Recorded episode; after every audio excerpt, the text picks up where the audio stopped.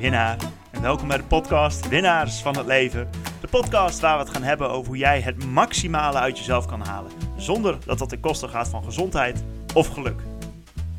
Hey Rick Hey, Gerben. en eh, welkom winnaar bij de derde aflevering van seizoen 4. En wij hebben vandaag Dave Versluis in de aflevering. En eh, Dave heeft een, nou ja, simpel gezegd, echt een bijzonder verhaal. Ehm, Heel heftig eh, verleden. Ja, en, en Rick, heb jij wel eens een tegenslag gehad? Ja, ja, ongetwijfeld wel, zeker. Heb je snel iets in je hoofd? Of? Ehm, nou, ik heb langere tijd in, ehm, in de Cariben gewoond. En op het moment dat ik terugkwam naar Nederland, was het wel even een eh, hele heftige... eh, ja, dat, dat was wel, had wel impact op mij. Heeft je dat veranderd? Zeker.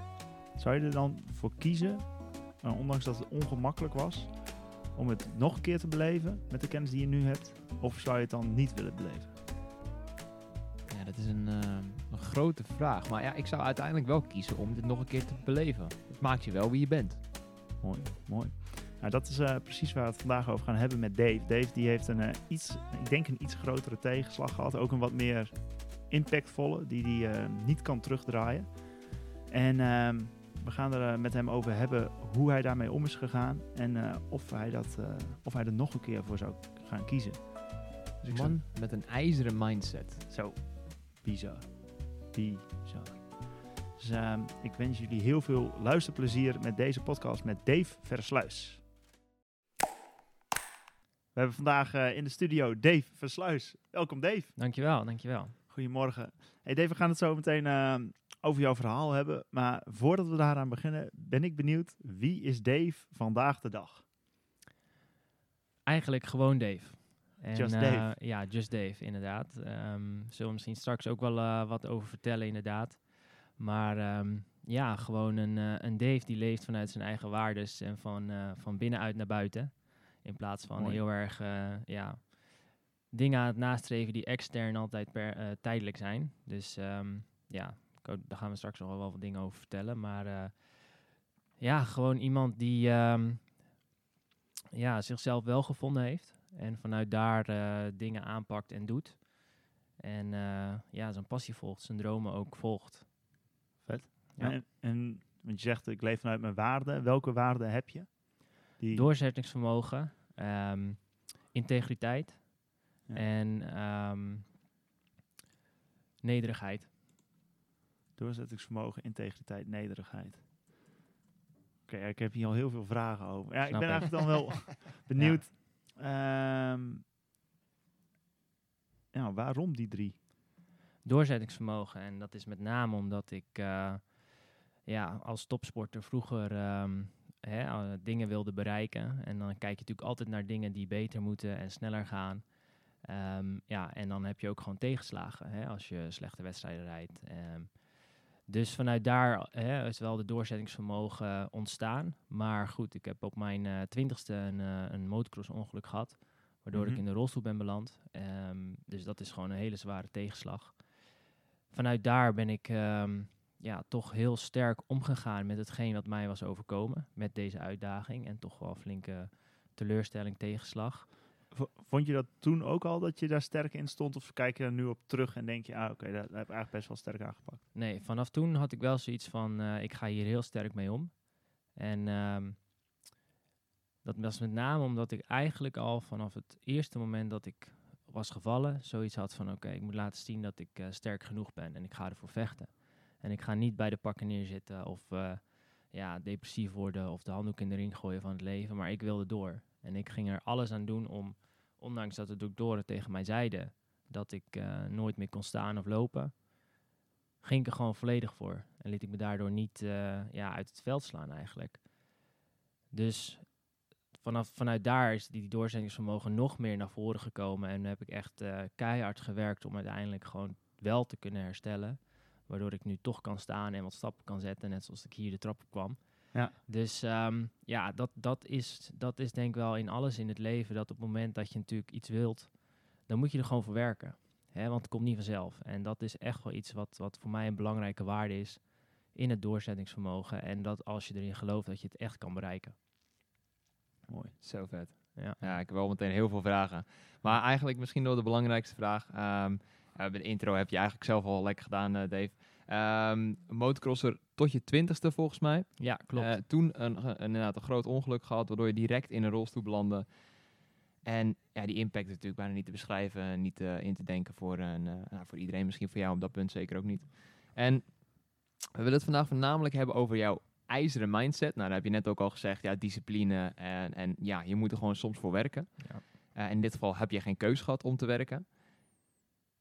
Mijn vraag is dan, voel jij je een winnaar van het leven op dit moment?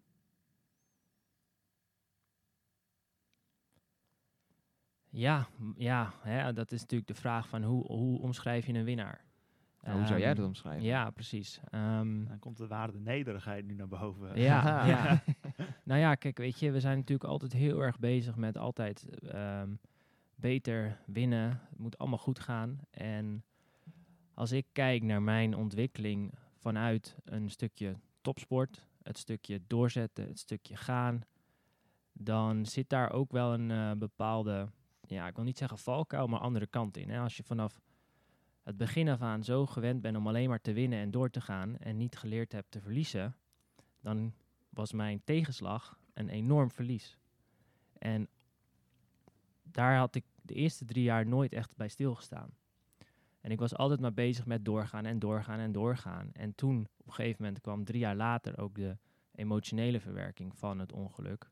En toen moest ik echt het verlies eh, ook gaan toelaten. Je zegt drie jaar later. Drie jaar later, ja. Dus je hebt eerst drie jaar gevochten Ja. en toen liet je het toe? Of? Ja. Hè, want wat ik net ook zei met dat stukje doorzettingsvermogen. Ik had vanaf het eerste moment zoiets van... Ik moet ervoor gaan, ik moet vechten, ik moet sterk zijn. En dat was een soort overlevingsmodus die mij enorm ve- ver eh, gebracht heeft. Want daardoor kan ik natuurlijk nu ook staan en weer stappen zetten. Maar ja, er zat daar een, donkere wolk boven dat ik uiteindelijk nog steeds wel in de rolstoel zit. En nog steeds een, een litteken op mijn rug, nog steeds platen in mijn rug.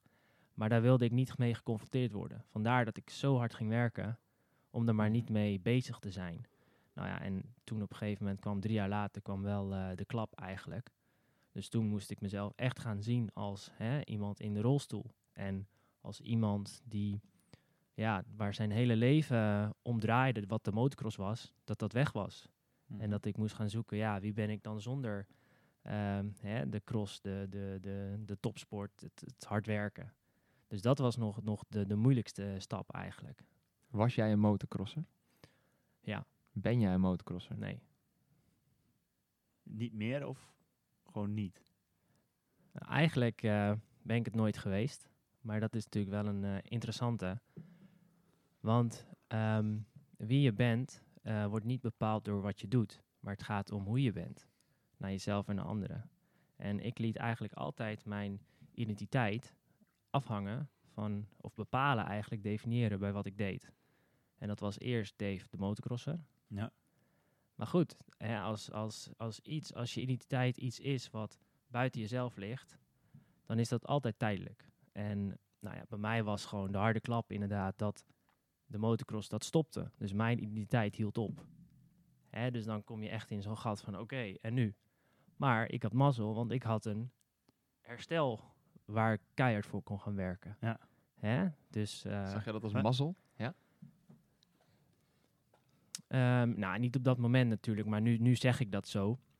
Eh, maar goed, ik had iets nu waar ik me volledig op kon focussen. Ja. Hè? Dus Ja. dat was het herstellen. Nou, toen werd ik Dave de vechter. Omdat ik Ja. heel positief Ja. omging Ja. met mijn, eh, met mijn ongeval. En ja, daar werd ook veel, veel naar gekeken. was veel bewondering voor. Dus daar kreeg ik natuurlijk ook weer bevestiging en, en eh, positieve aandacht van. Ehm, maar goed, na twee, drie jaar is meestal je herstel van een dwarslesie wel over. Ja, en toen kwam hij weer van, oké, Mhm. en nu? Ehm, dus toen weer heel erg zoekende naar... Wa- Want je staat op zo'n punt eigenlijk gewoon weer stil. Je weet niet wat er dan in de toekomst voor je zit. of- Precies, ja. ja. ja, hè? Dus dan ga je weer zoeken. En toen eh, nou, heb ik allerlei sporten geprobeerd. Toen eh, ben ik twee jaar gaan rolstoelbasketballen. Had ik daar weer de motivatie in om eh, naar de Paralympische Spelen te gaan. Hè, weer volledig op een sport. Nou, toen merkte ik van, nou, teamsport is niet helemaal mijn ding. Omdat ik natuurlijk altijd individuele sporter was in de Mhm. cross. Mhm. En ja, toen kwam hij weer. Oké, en nu? En Ja. toen ging ik weer zoeken. Nou, wat muurtjes. eh, precies. En eh, Ja, Ik ben benieuwd, ben je dan... In alles hoor ik wel terug. Je bent een harde werker. ja, Ja. Is dat eh, iets zo- zoals jij jezelf ziet? Of misschien mooier, want je zei net gewoon Dave. Is dat gewoon voor jou, hard werken? Mm. Nou, wel gedreven. Ik zou niet Ja. meer zeggen kei en keihard werken ten koste van alles, maar gewoon Mhm. gedreven in, in wat ik, waar ik naartoe wil. En eh, ja, ja, daar kom, ik- eventueel straks ook nog op. Ehm, ik zal eventjes dat stukje af, afmaken van, eh, van die identiteit, zeg maar. Omdat ik Ja, op een gegeven moment na, die, na dat rolstoelbasketbal weer zoiets had van... Shit, ja, en nu, weet je wel. Ehm, en toen kwam ik uit bij handbiken. Ja. En dat is zeg maar wielrennen, maar dan met de armen. Nou, dat was helemaal mijn ding. Want dat was hè, ehm, starten en zo snel mogelijk over de finish. Winnen van iedereen. Dus dat leek een beetje op de cross. En niet zo spectaculair, maar het had wel de, dezelfde Mhm. ja, motivatie. Dus daar ging ik weer in. Helemaal hè, trainen naar Papendal toe, het topsportcentrum in Arnhem. volle overgave. Volle overgave, daarheen echt ook verhuisd daarvoor. Ehm, nou, en dat heb ik ongeveer iets minder dan een jaar gedaan. En toen kwam ik er een beetje achter bij mezelf van, ja, ga ik nou weer hetzelfde liedje doen? Weer alles laten en doen voor de sport. Net zoals ik gedaan had met de motocross. En ik had op zich potentie om echt wel internationaal te gaan. Of ik reed al internationale wedstrijden. Maar toen had ik zoiets van, nee, dit wil ik niet. Of althans, ik merkte aan mezelf dat ik het er niet meer allemaal voor over had. Dus toen heb ik gewoon zelf een overwogen beslissing gemaakt om te stoppen met het handbiken.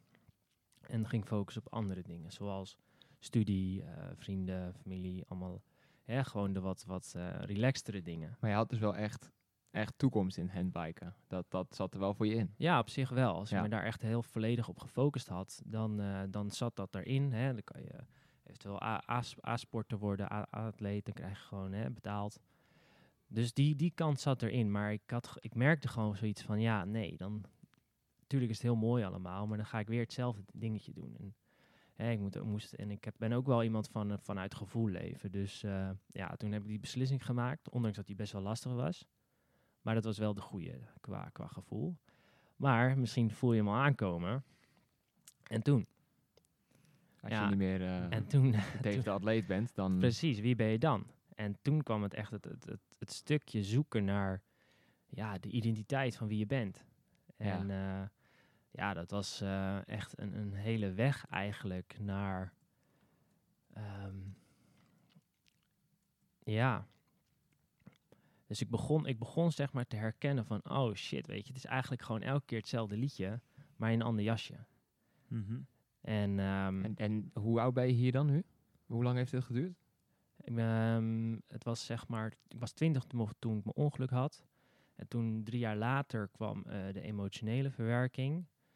En ongeveer v- drieënhalf, vier, vier jaar later, zeg maar, dus een jaar la, na mijn emotionele verwerking, Ja, ja. toen eh, kwam dit stukje. Ehm, zeg maar het zoeken naar, naar je werkelijke, ja, wie je bent eigenlijk. Ja, ja. Dus Je, je, ja, je raakt wel echt alle punten die, ik hier, die we hier ook hebben opgeschreven. Eh, ik hoor emoties naar voren komen. Identiteit is natuurlijk super groot. Maar het, het klinkt bijna veel meer als een uiteindelijk verhaal over wie jij als, als persoon bent. Wie, wat jouw identiteit is. Ja. Dan, dan het ongeluk zelf. Dat, dat ongeluk heeft maar, ja, is bijna een, een, een kleine schakel in deze hele... De, Ja. kick- de kick-off bijna. De trigger, ja. ik wilde hem zeggen, ja, de trigger van eh, ja, een heel een proces eigenlijk. En dat is natuurlijk op het moment dat je iets heftigs overkomt, of iets ja, waar je gewoon niet onder controle hebt, wat gewoon levend verandering is, dan zet dat bepaalde dingen in werking. En ehm, ondanks dat ik eh, natuurlijk liever niet had dat het allemaal gebeurd was, heeft het wel een, een enorme groei, ontwikkeling eh teweeggebracht voor mezelf. En als je natuurlijk ja, relatief eh, oké door het leven gaat, natuurlijk hebben we allemaal ons rugzakje. Maar dan, ja, dan, dan, dan, dan zit je niet zo diep eigenlijk. Hè? Zoals, zoals wat, ik, wat ik gehad heb, dan in ieder geval eh, los van natuurlijk wat andere mensen meemaken. Maar dat, ehm, ja, dat is inderdaad wel de trigger geweest. eh, wat, wat uiteindelijk nog jaren later pas echt naar boven is gekomen. Dus dat komt gewoon als je natuurlijk iets, iets heftigs meemaakt, waarin je gewoon anders naar dingen gaat kijken en over dingen gaat nadenken. En hoe, hoe kom je dan dichter? Eh, mijn vraag is, eh, sommige mensen die hebben het over, ja, wie ben ik? En dat, dat kan twee dingen zijn volgens mij. Of helemaal naar binnen, dus echt die diepste kern. Of het plaatje wat je naar de buitenkant schetst. Ehm, en in eerste instantie hoor ik je zeggen, dan ben je de, de motocrosser of de atleet. Dat is het plaatje wat je naar buiten schetst. Hoe kom je dan dieper bij die kern van jezelf? Ik zou zeggen, ehm, eh, ja, ik zou zeggen, eh, wees alleen, maar je bent nooit alleen, maar je bent altijd met jezelf. Mhm. En dat is wel iets wat je, Hoe, hoe, hoe bedoel je dat? nou, hè, als je zegt, ja, ik ben helemaal alleen, dan ben je uiteindelijk altijd nog met jezelf. Je hebt altijd nog jezelf. Alleen op het moment dat je, en dat is het dus eigenlijk eh, hetgeen antwoord op jouw vraag, is wees met jezelf en wees daar oké mee. Hè? Dus ga na van, als je Ah, natuurlijk als je natuurlijk hè, je eh, alleen bent en je voelt je daar niet prettig bij, dan zegt het eigenlijk, althans zegt niet altijd, maar dan kan het zijn natuurlijk dat je op dat moment niet met jezelf wilt zijn. En ja, je hebt altijd jezelf in het leven. Je bent altijd met jezelf. Je kan niet jezelf... eh, eh, kijk, als ik, als ik Gerben bijvoorbeeld niet mag, dan kan ik nog zeggen, ik ga in een ander kamertje werken. Precies. Maar als ik zelf ja, weg wil, dan kan dat niet, want dit lichaam dat zit vast aan mij, zeg maar. Precies, ja. Dus wat jij eigenlijk zegt is, je moet eh, be able to, be, to, to confront yourself. Dus je, je moet eh, jezelf kunnen confronteren met wie je eigenlijk bent. Nou, dan ben ik nog benieuwd, als je dan jezelf niet leuk vindt, doe je dan, de, dus doe je dan hetgene wat je niet leuk vindt, of, of, of misschien doe je dan hetgene wie je niet bent, en vind je dat dus niet leuk, of heb je dan jezelf gewoon te accepteren? Dus het, la- Ik laat ik hem even, ja, Ja, ja. misschien, Diepe, maar la- diepere vragen. Dus- ja. dus misschien dat je, omdat je denkt dat dat goed is eh, voor de externe wereld, probeer je iets te doen. Maar diep van binnen ben je dat helemaal niet. En dat je daarom jezelf eigenlijk niet leuk vindt als je alleen bent. Of heb je dat dan ook te accepteren, want dat is een deel van jezelf? Ik, ik vind dat nog wel eens een moeilijke vraag. Wat is jezelf? Ja, dat, dat, dat, snap, dat is ook een moeilijke vraag. Zo, nou, iedereen die dit luistert, die begint nu ook te, te malen. Allemaal hersenkronkeltjes. wie ben ik eigenlijk? Ja. Ja, ik, ik, ik ben van mening, eh, en hoe ik het zelf ervaar en zie, is ehm, het stukje dat je op een gegeven moment, eh, als je merkt dat, dat hetgeen wat je e- extern buiten jezelf doet, eh, waar je dan zelf niet tevreden mee bent of niet blij mee bent, dan zit die in de kern niet helemaal juist.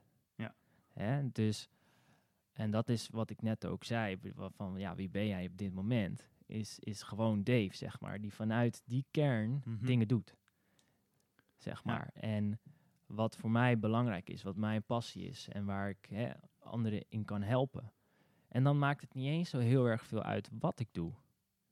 Dus dan, dan tackle je ook gelijk het stukje, ja, als je Ja. niet tevreden bent met hè, de dingen Ja. die je doet, dan, dan valt dat gelijk weg op het moment dat je echt vanuit die kern gaat leven. Word je ook altijd gelukkig als je vanuit, als je een van die dingen doet? Dat merk ik wel, ja. Ja, Ja. zeker de laatste, laatste paar maanden nu. eh, mijn, stu- mijn studie is afgerond, werkzaam bent. En eh, ja, eigenlijk eh, in het begin sta van, van mijn maats- maatschappelijke carrière, de, de- waarin ik de mogelijkheid krijg om ja, het echt uit te brengen of echt naar te gaan leven. Dat merk Ja. ik wel, ja, En- en absoluut. Hoe doe je dat dan? Want ik kan me heel goed begrijpen dat er eh, heel veel mensen luisteren die denken dan, ja, eh, de identiteit, wat is het allemaal gekkigheid. Hoe, hoe kom je nou... Ja, hoe kom je nou bij jezelf eigenlijk? Want eh, jij hebt jezelf echt moeten confronteren met het gevoel van... oké, ja, maar ja, wie ben ik? Want je zat letterlijk in een rolstoel en je kon nergens heen. Ehm, hoe, hoe is dat voor mensen? Ja, nou ja, eigenlijk is de vraag, hoe, hoe kom je dichter bij jezelf?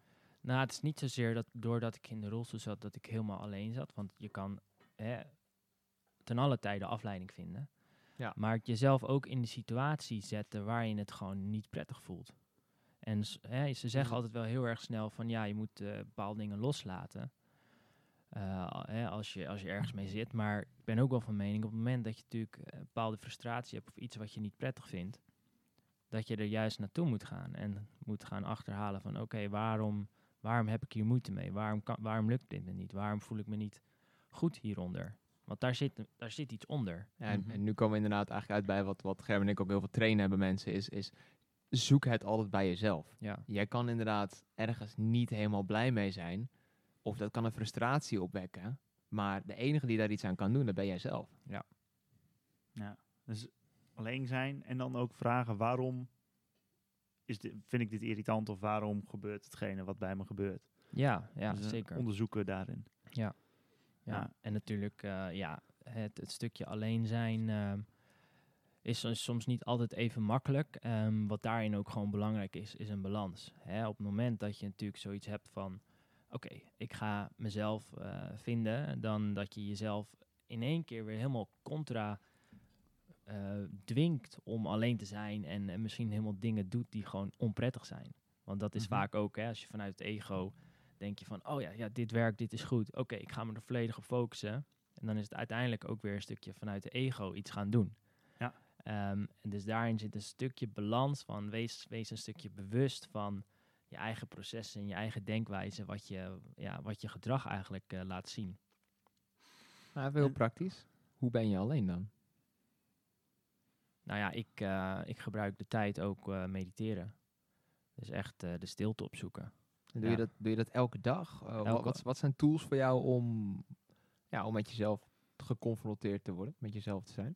Ehm, nou, ik mediteer sowieso elke ochtend. Ja. Ehm, en vanuit de ontwikkeling van meditatie ehm, ga je dat ook toepassen in het dagelijks leven. Dus op het moment, eh, een voorbeeldje, als ik in de file kom te staan, kan je natuurlijk gaan denken, ja, verdomme, ik zit in de file, eh, waarom nou?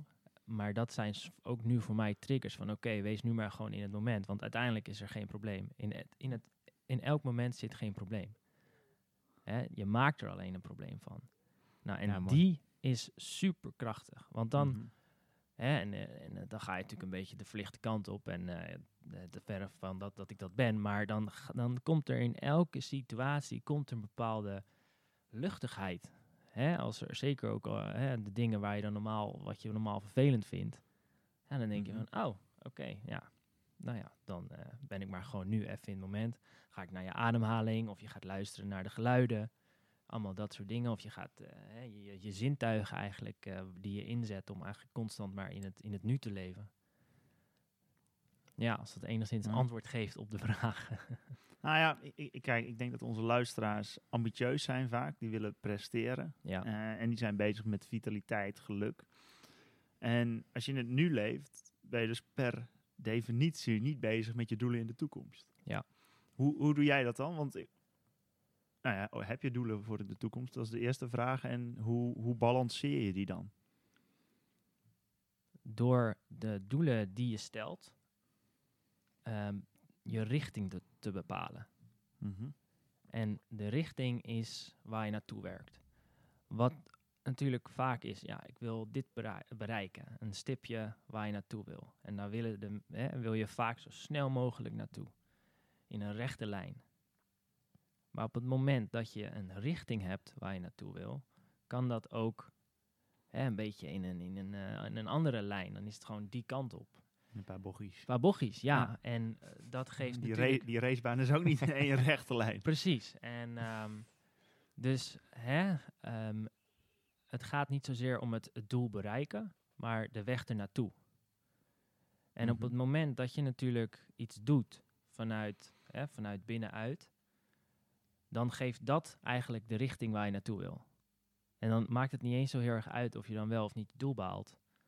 Maar het werken naartoe geeft al ja, Voldoening. voldoening. En dat, dat, dat is het proces, dat is de, het avontuur er naartoe. En niet zozeer van, oh, ik moet daar naartoe en ik ben pas tevreden als ik er ben. Ja, Want op ja. het moment als je er bent, dan ga je wel een keer, dan zoek je wel weer wat anders. is 10 minuten blij. En dan, Ja, eh, dan gaan we weer door. Ja.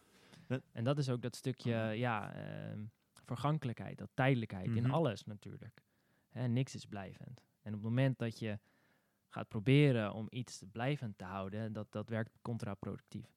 Het is gewoon ook lekker koesteren wat je hebt gehad. Ja. Zeker. Ik, wat ik dan, want we hebben het steeds over hè, terug naar binnen, naar- vanuit die kernwaarden. ik ben dan nog benieuwd, misschien is het een hele moeilijke vraag. Die kernwaarden, zijn die aangeleerd of had je dat, denk je, al vanaf dat je geboren was? Zat het er al in? Of heb je wat meegekregen van je ouders en misschien wel maatschappij? Mm, balans, denk ik. Of althans, beide. Ehm, ik geloof wel wat meer in het stukje ehm, ehm, nurturing, zeg maar. Dus dat Mhm. het ontstaat. En dat dat hè, vanuit je jeugd, vanuit het kind zijnde wel al hè, dus de, de invloeden op je hebt.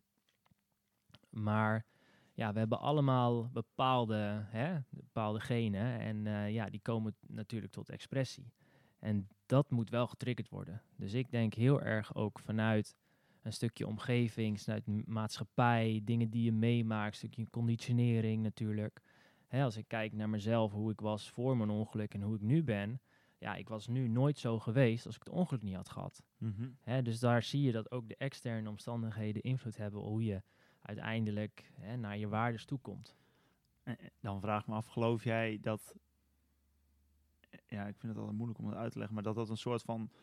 Het is geen toeval, het had moeten gebeuren, omdat er iets in jou getriggerd moest worden? Of denk je van, nou, het is toevallig dat dit gebeurd was en daardoor kon dit getriggerd worden? Ja, goeie, v- moe- g- ja, mooie vraag denk ik. Heel, eh, misschien wel lastig om natuurlijk antwoord op te geven. Maar ehm, ja, ik vind het ehm, een beetje cliché om te zeggen van... Ja, dit, eh, dit was al... eh, dit zat al op mijn pad eh, voordat het Mhm. gebeurd was. Dat vind ik altijd... ja, omdat ik natuurlijk liever niet wilde dat het gebeurd is. Maar ja, ik merk wel, als ik nu kijk naar de persoon die ik geworden ben door, door, door dit ongeval, door, dit, door deze tegenslag. Ja, dan, nou dat had ik toevallig een, een week geleden ongeveer, dat ik wakker werd en dat ik echt dacht van alles is zoals het moet zijn. En dat is natuurlijk wel bijzonder. Ja. Op het moment dat je hè, natuurlijk eh, hetgeen hebt meegemaakt. En toen dacht ik van ja, ik ben helemaal op mijn plek. En, en, het, het- en dan heb ik nog niet eens alles voor elkaar, hè, in, in, in materialistisch gezien. Maar gewoon als persoon, als mens, waar ik nu sta, denk ik ja, ik zit goed. Mooi. Ja.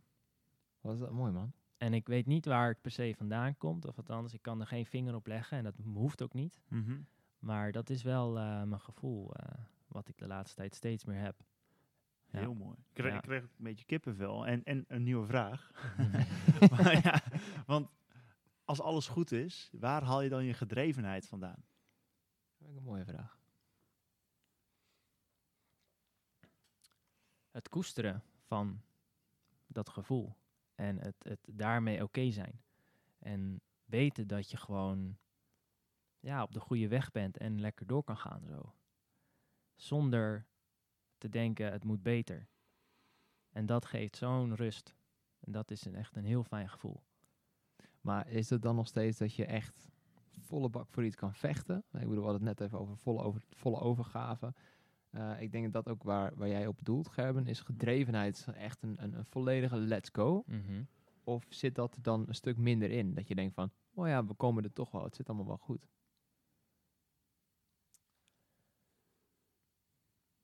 Ja, ik vind het, ehm, hè, als je, ik, ik- op zich in dat opzicht ehm, zit die gedrevenheid er zeker in.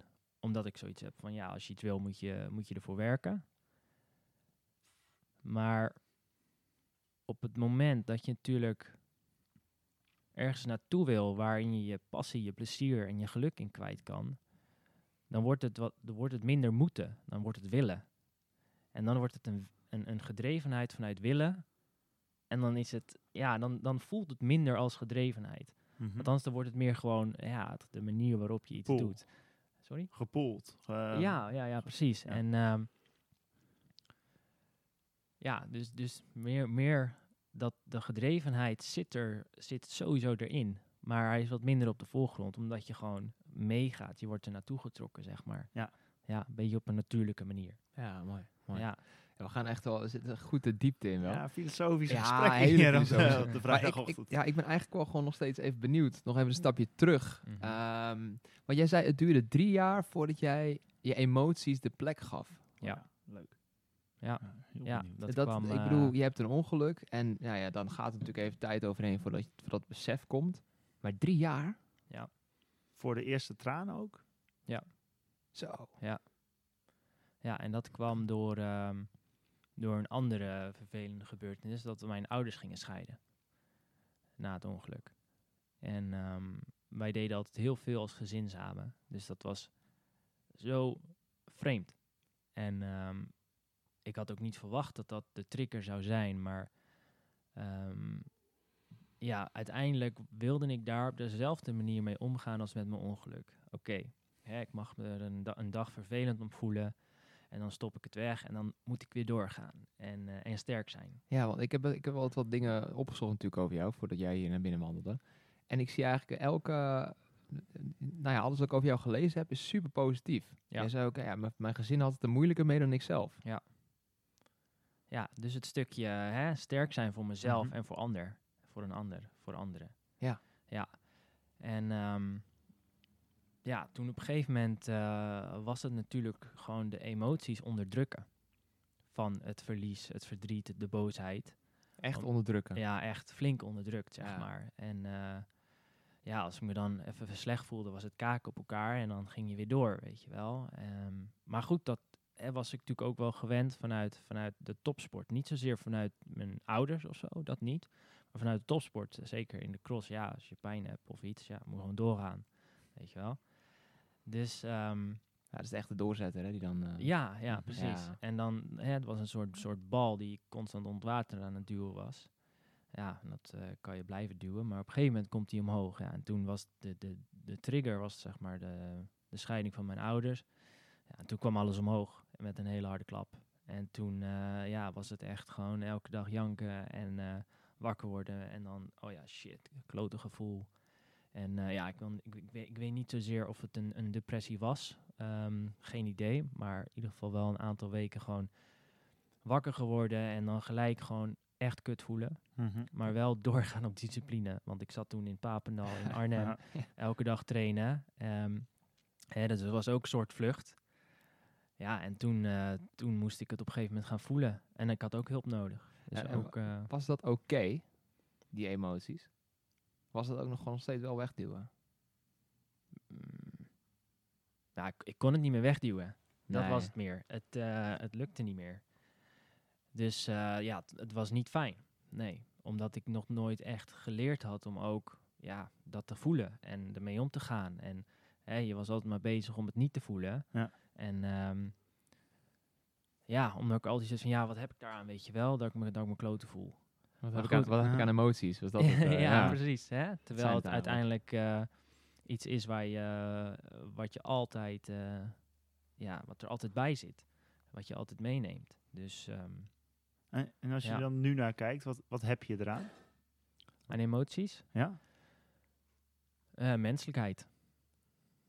Mooi. Ja, het maakt je mens. En ehm, ik denk dat dat eh, ja, soms ook wel eh, wat, wat onderschat wordt. Ik bedoel, ja, weet je, het, op het moment dat je natuurlijk een vervelende emotie voelt, dan laten we dat er vaak niet zijn. En je wilt er van af. Maar het er van af willen houdt het juist in stand. Ja. En dat is een hele belangrijke om geleerd te hebben, zeg maar. Ja. Op het en- moment dat je natuurlijk denkt van, oh ja, ja, ik wil het niet voelen, ben je ermee bezig. Want je bent er alleen maar bezig mee om het niet te voelen. Ja, dus, dus je blijft- weer onder de Ja, je blijft Ja. constant aan de slag. En wat ik daarin heb gemerkt is op het moment dat je het wel voelt, dan is het er. En dat is niet fijn. Dat is gewoon vervelend. Maar het gaat weg. Want alles is tijdelijk. Hè, dus ook emotie. Mhm. Alleen we zijn zo bezig en we zijn bang dat het blijft, Ja. dat we ermee bezig zijn, oh, het moet weg. Maar zo, zo, zo kan het nooit zich, ja, zo kan het zich nooit echt oplossen. Want dat is uiteindelijk wat er, wat er vaak gebeurt. Althans, wat er gebeurt op het moment dat je natuurlijk een emotie voelt, dan is het er. Maar ja, uiteindelijk is het ook een keer weg. Hè? Misschien wel voor een korte tijd. Maar het stukje uiteindelijk, het, het, het toelaten en het ervaren, kan het juist ruimte geven om het er weer te laten oplossen. Absoluut. Ehm, eerste vraag, hoe, hoe doe je dit in het dagelijks leven? Dus je bent aan het werk. Emoties komen op. Ah, relaxed, blij. Ehm, Ja. hoe, hoe, hoe, doe je, hoe ziet jouw dag er dan uit? Hoe ga je ermee om? J- jij doet op emotionele regulatie, of niet, Gerben? Eh, ja, uiteind- uiteindelijk komt het daarop neer. Dus hoe Ja. ga je met je emoties om op, eh, op een dag dat je ook moet presteren? Of Ehm, wilt presteren? Ja, ja. En dan is het inderdaad gewoon een stukje ehm, weten dat ze er zijn, maar wel ehm, ja, je niet per se op dat moment door laten beïnvloeden als je natuurlijk moet presteren of als je iets moet doen. Maar dus dan is het eventjes tijdelijk wegstoppen. Ja. Maar wel op een bewustere manier. Het woord, tijdelijk hierin is wel heel belangrijk. ja, inderdaad. ja, ja. tuurlijk. Ja. In plaats van het al weer zo lang mogelijk wegduwen. Ja. Dus dan is het een stukje tijdelijk ehm, ja, het niet toelaten, maar wel op een bewuste manier, waardoor je weet, oh, het moet wel nog, eh, ik moet er wel nog wat mee doen. Ja. En, dan, en dat kan eh, op een later moment. Ja. Ja. En doe je dat dan door middel van meditatie of sport misschien wel? Sporten, meditatie, opschrijven. Ja. Doe dat, eh, dat heb ik ook een, een tijd lang gedaan. Nu, nu minder, maar als ik een mindere dag heb, dan schrijf ik het van me af. En inderdaad, dan, dan komt de focus weer wat meer op de meditatie. Ehm, vaak, vaak wil je dat dan juist niet doen, want dan wordt het vervelend. Maar dan, Dan, moet je het opzoeken Precies, natuurlijk. en- Ja. dan, dan maakt het juist weer, weer eh, een extra waar, waardevol als dat, eh, ja, daar, daar zit iets. Hè? Mhm. En daar moet je dan naartoe. En dat is een stukje dan Ja. weer naar die kern toe. Ja, en dan op een gegeven moment dan, eh, dat, dat is dan het hele bijzondere. Dan, dan heb ik bijvoorbeeld bepaalde negatieve gedachten of emotie. En dan wil ik, dan wil ik er vanaf. En dan denk ik, oké, ja, ik wil er vanaf, maar laat het nou maar eventjes. Het gaat wel weer weg. En dan ben ik een uur verder. En dat is super bijzonder. Wat ik dan ervaar is, dan is het weg. En dan denk ik terug aan een uur terug. En dan denk ik, ja, zie je wel. Ondanks dat ik in het moment zelf dacht van, oh, verdomme, het blijft. Weet ik dat het weer weggaat. En die, dat besef van, oh ja, wacht, nu is die gedachte weer weg. Mhm. Dat is zo krachtig ook voor in het gevolg. Op het moment dat je het dan wel voelt, ervaart, denkt, dan weet je, het gaat uiteindelijk over. En- En zoek je dit soort momenten nu ook voor jezelf op? Ik bedoel, je, je- we hebben het nu eigenlijk al een tijdje over jezelf confronteren met jezelf. Als je zo'n moment merkt, ga je er dan echt met volle overgave ook naartoe? Zo van, oké, oh, ik ben benieuwd wat er aan de andere kant van deze irritatie zit. Eigenlijk ook een doorzetter. Je- Ja, zit, zit de ja, doorzetter er dan in het groeien van, nou ja, van jezelf? Mm.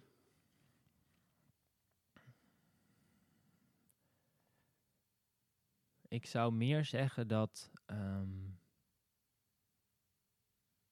ik ben even je vraag precies kwijt. Als jij, ehm, als je nou zo'n zo'n zo'n frustratiemoment voelt, Ja. ehm, ben je dan ook echt benieuwd wat er aan die andere kant is? Dus ga je dan ook gewoon eigenlijk misschien wel met wat, wat zin opschrijven of naar dat gevoel toe het echt even voelen om te kijken wat er aan die andere kant is, om te kijken waarom je je zo gefrustreerd voelt hierover. Ja, ik moet zeggen dat ehm, tijd, een- echt ongeveer een jaar geleden of zo, was ik natuurlijk heel erg mee bezig. Nu is Ja. het er meer wat, wat, wat stabieler. Dan stabieler eh, op een relaxtere manier, maar dan was het misschien heel erg analyseren, soms iets te overanalyseren. Ja. Maar daar zat dan wel de doorzetter Mhm. weer van, oké, wat is dit? Oplossen, eh, te vinden. Hè? Dus heel erg dat aanpakken. Dus ja, dus dat was wel eh, inderdaad dan een hele schriften vol met, met eh, spinsels van, oh, waarom heb ik dit? Waarom voel ik dit? Eh, dat komt misschien hierdoor en daardoor. En nu is het meer gewoon een stukje, oké, het is er. En, en er hoeft niet per se helemaal ingespit te worden om te kijken van wat erachter zit. Eigenlijk omdat ik het wel weet. Ehm, dus dan is het meer gewoon een stukje er laten zijn en het vertrouwen hebben dat het op een gegeven moment weer eh, ja, wat meer weggaat en oplost. Ja, Ja. het vertrouwen echt erin. Ja, Ja, ja. ja mooi. Ja, en ook, ook volgens mij zelfacceptatie. Van, hè, misschien als je boos bent, een lelijke gedachte hebt, dat je denkt, ah ja, dit heb ik ook gewoon af en toe. Ik heb gewoon af en toe een lelijke gedachte over Ja. mensen. En ik heb ook mooie gedachten over Ja. deze persoon. Dat is ook wie Dave is, of wie Gerben is, of wie Rick Ja. is. hè. Ja, exact. Volgens Ja. mij dat, komt het daar ook bij. Dus en eh, het te laten zijn, eh, en zonder oordeel je eigen gedachten Ja. observeren of je eigen emoties. Dat, ehm, dat, dat hoor ik er wel in terug. Ja, Mooi. uiteindelijk eh, hè, het, het, het helemaal oké zijn en eh, ja, een stukje zelfliefde naar jezelf.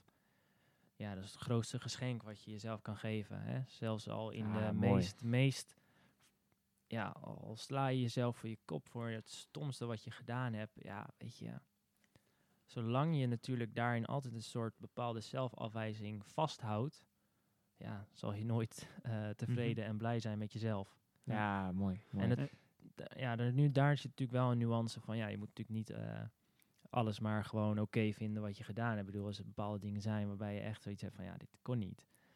Dan, eh, dan is dat niet zo van, oh ja, zelfliefde en prima. Maar wel van, oké, ja, dat ga ik gewoon bijvoorbeeld niet meer doen. En Mhm. eh, vanuit het stukje willen om beter te zijn dan, eh, dan, je, dan je was eigenlijk. Ja, volgens mij gaat het als je zoiets doet dat je buiten je waarde hebt geleefd. Ja, Daar, daar komt het bijvoorbeeld. Ja, echt gewoon iets gedaan hebt wat je denkt van, ja, dat was gewoon super stom.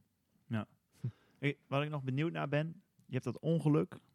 Je hebt drie jaar lang keihard gewerkt, emoties weggedrukt. Ehm, misschien, misschien kun je hem niet beantwoorden, want je kon toen die emoties niet toelaten. Maar denk je dat als je toen volledig alle emoties had toegelaten, dat je dezelfde drive had gehouden om te blijven oefenen, om te blijven kunnen staan, om de benen te blijven bewegen? Of misschien nog wel beter uit was gekomen, of, of dat, dat dat minder was gelukt? Ja, mo- mooie vraag. Ik kreeg hem laatst ook eh, tijdens een, eh, tijdens een eh, boeking, tijdens het spreken. En lichamelijk had ik misschien niet zo ver geweest als nu. Mhm. Omdat dat, die overlevingsmodus heeft mij er gewoon in, toegestaan, in, in staat gezet om keihard te werken. En om me niet te laten leiden op dat moment door het verdriet en de emotie, waardoor ik eh, wekenlang alleen maar in bed wilde liggen, bijvoorbeeld. Dus eh, ja, dat, die mindset op dat moment was super waardevol. Waardoor ik lichamelijk zover ben gekomen. Dat kan ik wel echt zeggen. Op het moment dat mijn emotionele verwerking op het moment zelf was, dan had ik er waarschijnlijk hetgeen wat ik nu heb ervaren, ehm, misschien twee, drie jaar geleden, had ik er al, had ik misschien nu zo ver geweest zoals nu. Mhm. Ehm, maar goed, nu ik dit zeg, denk ik van nee, het heeft gewoon echt zo moeten gaan. Want Ja. anders had ik natuurlijk ook nooit dit zo ver Ja, geweest. Die Maar emoties, dat is natuurlijk ook een, een, een, ehm, eh, een proces wat je gewoon door moet lopen. ja, Ook die hebben hun eh, moment nodig. ja, precies. Ja.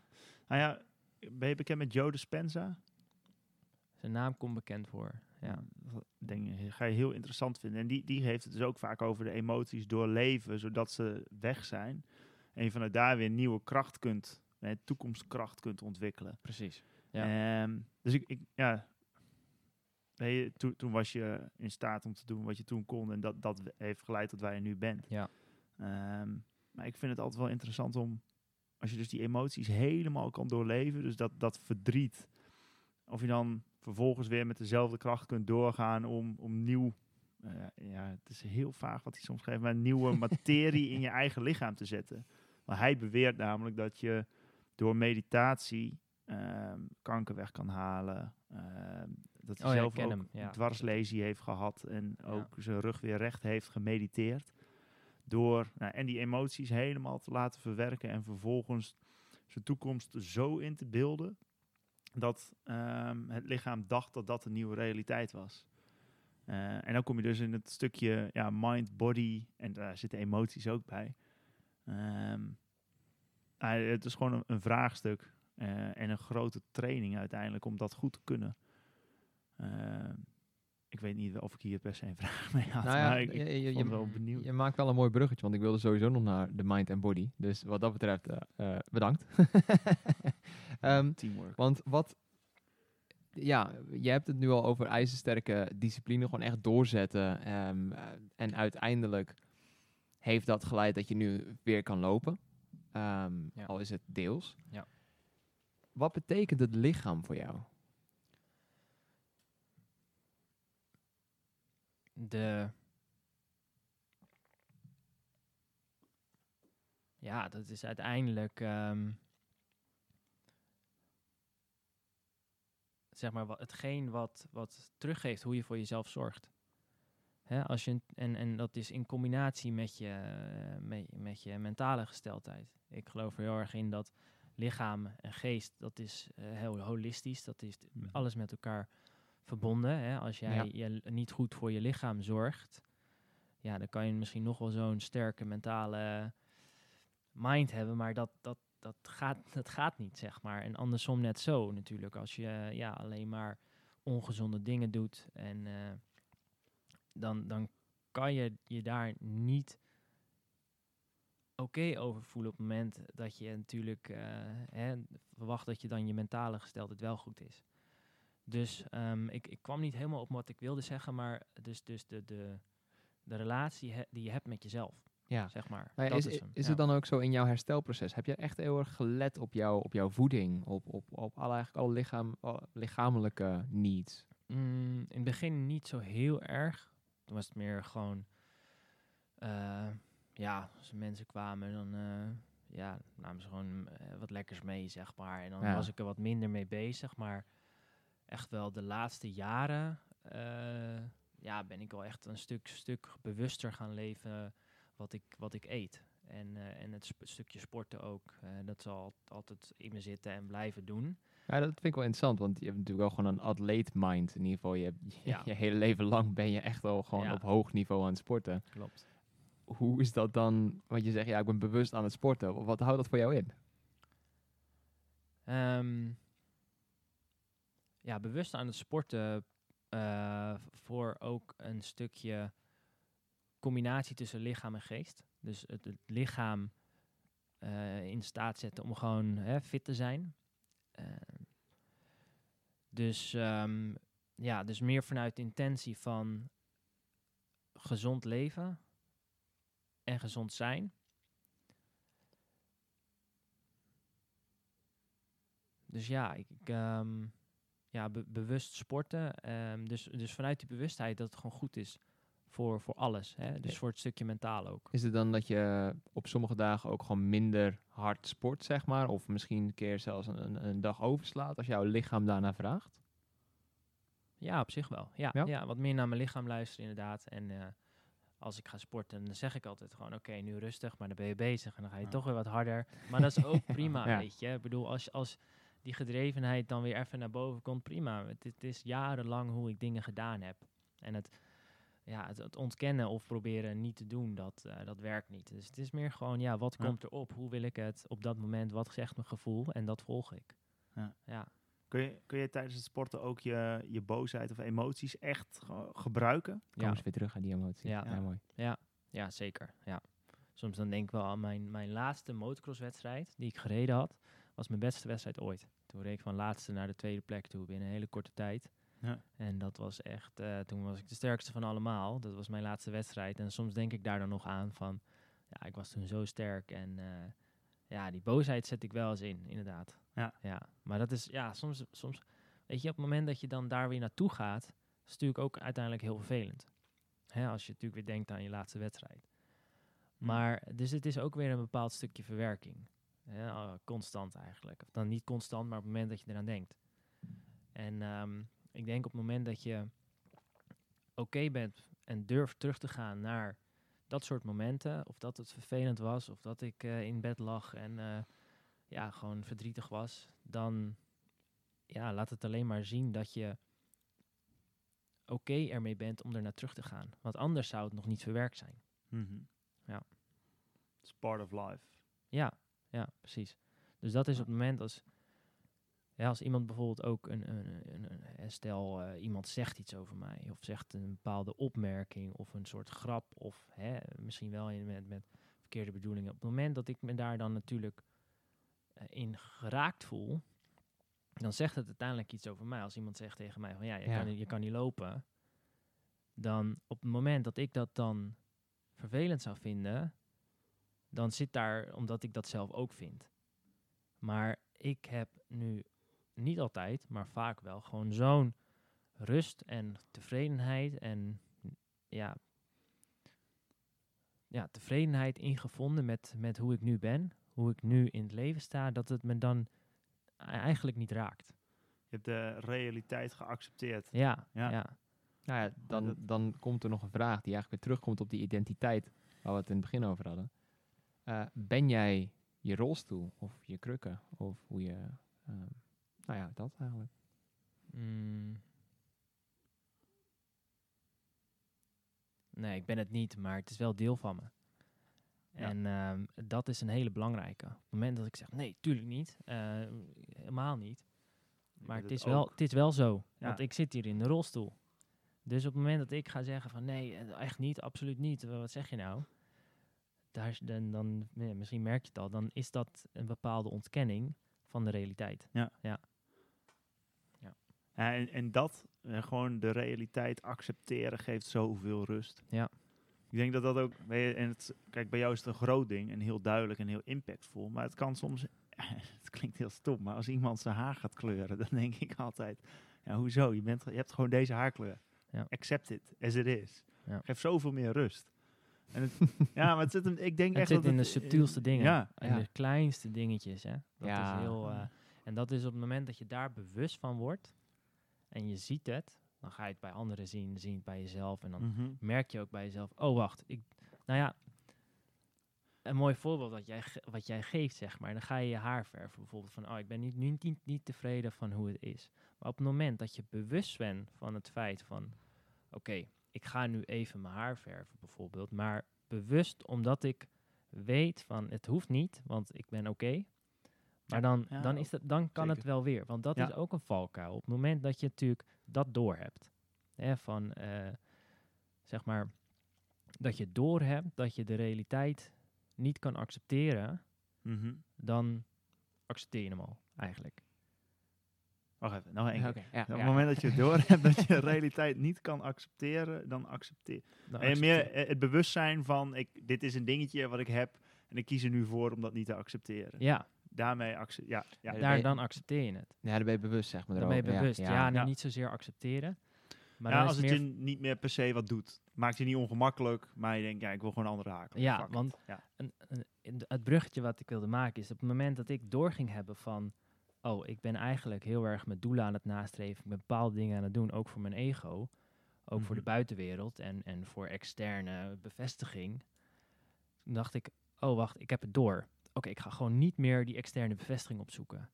Ik ga daar niks meer in doen. Maar dan, ja, dat werkt ook niet, Want weet die- je wel? Want dat is ook wat je hebt. Ja. ja, ja, ja, en en dan, dan op een gegeven moment, en daar zat ik ook soms zo mee te strijden met mezelf. Ehm, maar op het moment dat, weet je, natuurlijk kan het en mag het. Maar dan is het vanuit een, echt een bewuste keuze dat je zoiets doet. Mhm. En dan, ja, dan is dat ook oké. Ik bedoel, eh, hè, we, we leven niet voor niets. Tuurlijk mag je dingen doen die je leuk vindt en die fijn zijn en eh, die je even je behoefte geven. Echt wel. Ja. Is er nog iets in jouw leven wat je aan het ontkennen bent? Mooie vraag. Eh, Ja, dat is een hele mooie vraag inderdaad. Mm. Iets wat ik aan het ontkennen ben.